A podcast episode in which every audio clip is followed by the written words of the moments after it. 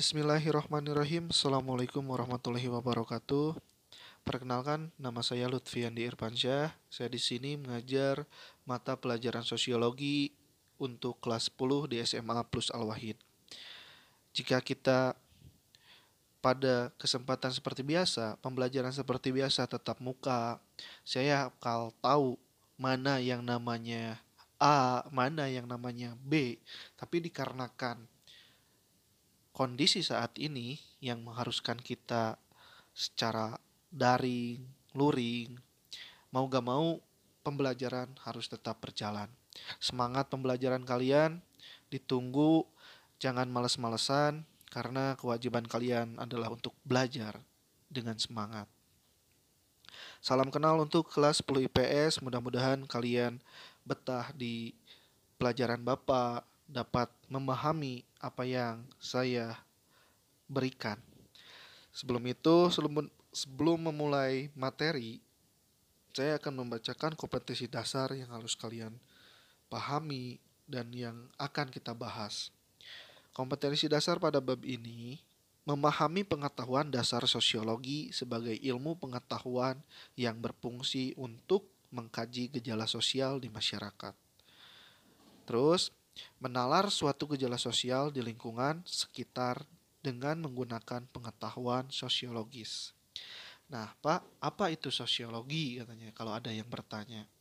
Sosiologi itu terdiri dari dua kata dari bahasa Latin, socius maupun logos. Socius yang berarti kawan dan logos berarti ilmu. Nah, di sini banyak sekali pemahaman tentang pengertian sosiologi. Tapi yang intinya, sosiologi itu adalah ilmu yang mengkaji interaksi manusia di masyarakat yang objek penelitiannya itu yaitu kita sendiri sebagai manusia. Baik itu interaksi antara individu dengan individu, individu dengan kelompok maupun kelompok dengan kelompok. Pada hakikatnya juga kita manusia sebagai makhluk individu dan makhluk sosial. Kita sebagai makhluk individu dan makhluk sosial tentu kita akan berinteraksi di masyarakat. Nah, itu adalah sebagai gambaran awal pengertian atau pemahaman sosiologi. Di SMP kalian tentu belum belajar sosiologi, tapi sedikit-sedikit diperkenalkan. Ada mata pelajaran IPS. Nah, untuk di SMA kita akan lebih menggali tentang pemahaman interaksi kita di masyarakat, gejala-gejala sosial kita, gejala-gejala sosial yang ada di masyarakat maksudnya. Jadi di sini fungsi sosiologi juga untuk mengenali gejala sosial yang ada di masyarakat. Nah, kita bahas hakikat manusia sebagai makhluk individu. Kata individu mempunyai makna yang berbeda dengan individualisme dan individualis. Tentu kalian pernah dengar ya, individualisme dan individualis.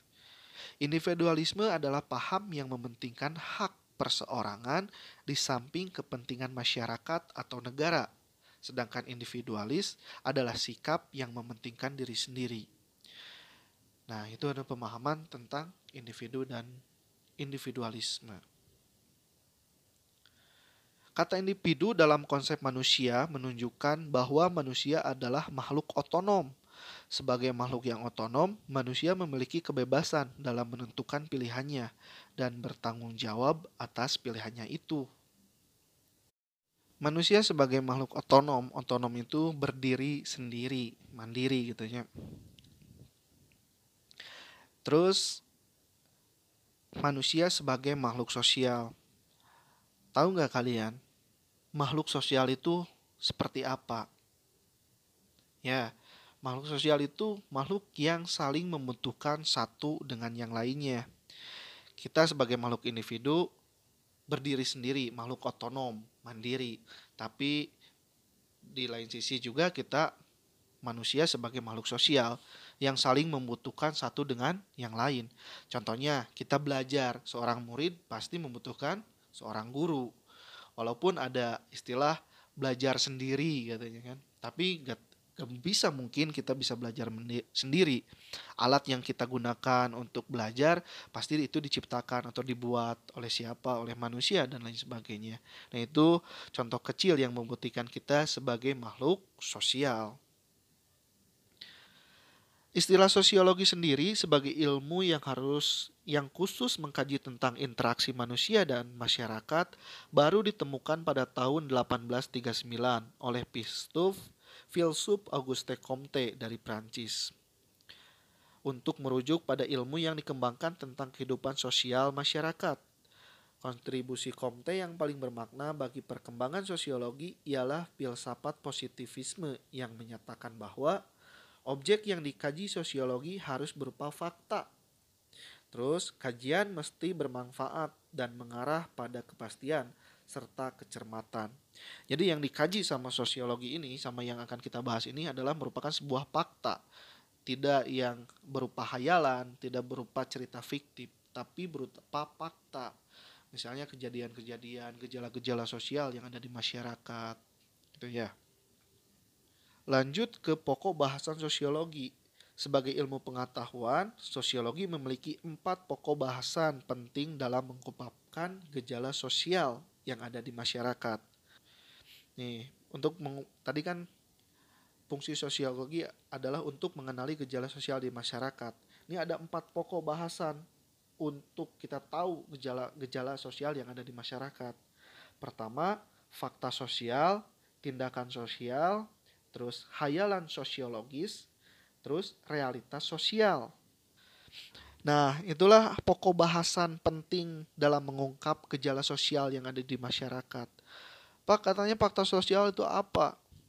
Fakta sosial adalah cara bertindak, berpikir, dan berprasangka yang berada di dalam di luar individu dan mempunyai kekuatan memaksa dan mengendalikan individu tersebut. Nah, dari fakta sosial tersebut, pengertian tersebut kita bisa menggali atau memahami atau mengungkap gejala sosial yang ada di masyarakat dari fakta sosial. Contohnya nih, seorang murid di sekolah diwajibkan untuk datang tepat waktu, menggunakan seragam, dan bersikap hormat kepada guru. Kewajiban-kewajiban tersebut dituangkan ke dalam sebuah aturan dan memiliki sanksi tertentu jika dilanggar. Nah, dari fakta sosial tersebut kita bisa mengungkapkan gejala sosial yang ada di sekolah. Contohnya masih banyak lagi di sekitar kita pokoknya yang ada di masyarakat. Selanjutnya ada tindakan sosial. Tindakan sosial itu ada suatu tindakan yang dilakukan dengan mempertimbangkan perilaku orang lain. Pak contohnya kumahas nah dari tindakan sosial kita bisa mengungkap gejala sosial yang ada di masyarakat. Contohnya, menanam bunga untuk kesenangan pribadi bukan merupakan tindakan sosial karena itu buat konsumsi, konsumsi pribadi. Tetapi menanam bunga untuk diikut sertakan dalam sebuah lomba sehingga mendapat perhatian orang lain merupakan tindakan sosial. Jika ada perhatian orang lain itu tindakan sosial gitunya. Hayalan sosiologis. Hayalan sosiologis diperlukan untuk memahami apa yang terjadi di masyarakat maupun yang ada di dalam diri manusia. Menurut Frank Mills, dengan hayalan sosiologi, kita mampu memahami sejarah masyarakat, riwayat hidup pribadi, dan hubungan antar keduanya. Alat untuk melakukan hayalan sosiologis adalah trouble and issue. Trouble adalah permasalahan pribadi individu dan merupakan ancaman terhadap nilai-nilai pribadi. Isu merupakan hal yang ada di luar jangkauan kehidupan pribadi individu.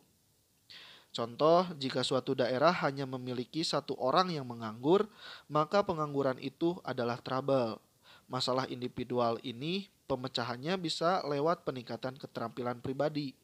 Sementara jika di kota tersebut ada 12 juta penduduk yang menganggur dari 18 juta jiwa yang ada, maka pengangguran tersebut merupakan isu yang pemecahannya menuntut kajian lebih luas lagi. Nah, silakan kalian pahami. Selanjutnya, pokok bahasan sosiologi yang bisa mengungkap gejala sosial yang ada di masyarakat itu realitas sosial. Seorang sosiolog harus bisa menyikapi berbagai tabir dan mengungkap tiap helai tabir menjadi suatu realitas yang tidak terduga. Syaratnya, sosiolog tersebut harus mengikuti aturan-aturan ilmiah dan melakukan pembuktian secara ilmiah dan objek dengan pengendalian prasangka pribadi dan pengamatan tabir secara jeli serta menghindari penilaian normatif. Nah, di sini ada beberapa pengertian sosiologi menurut para ahli. Ada Auguste Comte menjelaskan sosiologi dapat didefinisikan sebagai ilmu tentang masyarakat. Sosiologi berupaya memahami kehidupan bersama manusia Sejauh kehidupan itu bisa ditinjau atau diamati melalui metode empiris, masyarakat dipandang sebagai unit dasar analisis dalam sosiologi. Sedangkan varian lainnya seperti keluarga, politik, pendidikan, agama, ekonomi, maupun interaksinya merupakan subanalisis. Adapun yang menjadi fokus perhatian sosiologi adalah manusia dalam konteks sosial. Harapan Comte adalah ilmu sosiologi dapat menjadi ratu ilmu-ilmu sosial. Dalam bayangan Comte mengenai hierarki ilmu, sosiologi suatu saat dapat menempati kedudukan teratas dalam tangga ilmu pengetahuan, melampaui ilmu astronomi, fisika, kimia, dan biologi. Sekarang lanjut pemahaman yang lain dari para ahli sosiologi. Grunman, sosiologi adalah suatu ilmu yang mempelajari tindakan-tindakan manusia terkait usahanya menyesuaikan diri dalam ikatan-ikatan tertentu. Ada lagi Alian Johnson.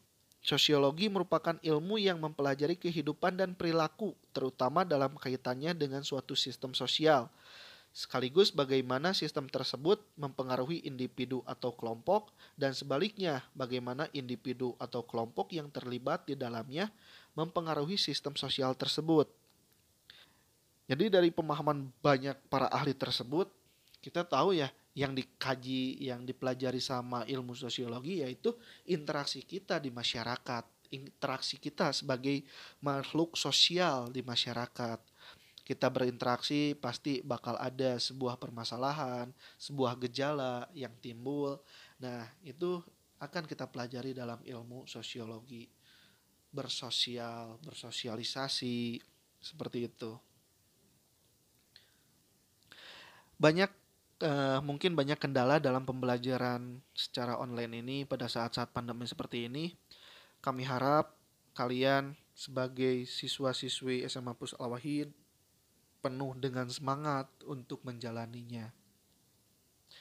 Jangan banyak mengeluh jika ada halang rintang yang ada dalam diri kita, keseharian kita. Hanya satu kata lah, sikat gitu ya. Pas senata nggak ada paranti nyikat nak nyalain sikat gitu. Tapi sikat teh lawan hadapi gitu. Kalau misalnya ada halang rintang masalah itu harus dihadapi bukan kita hindari.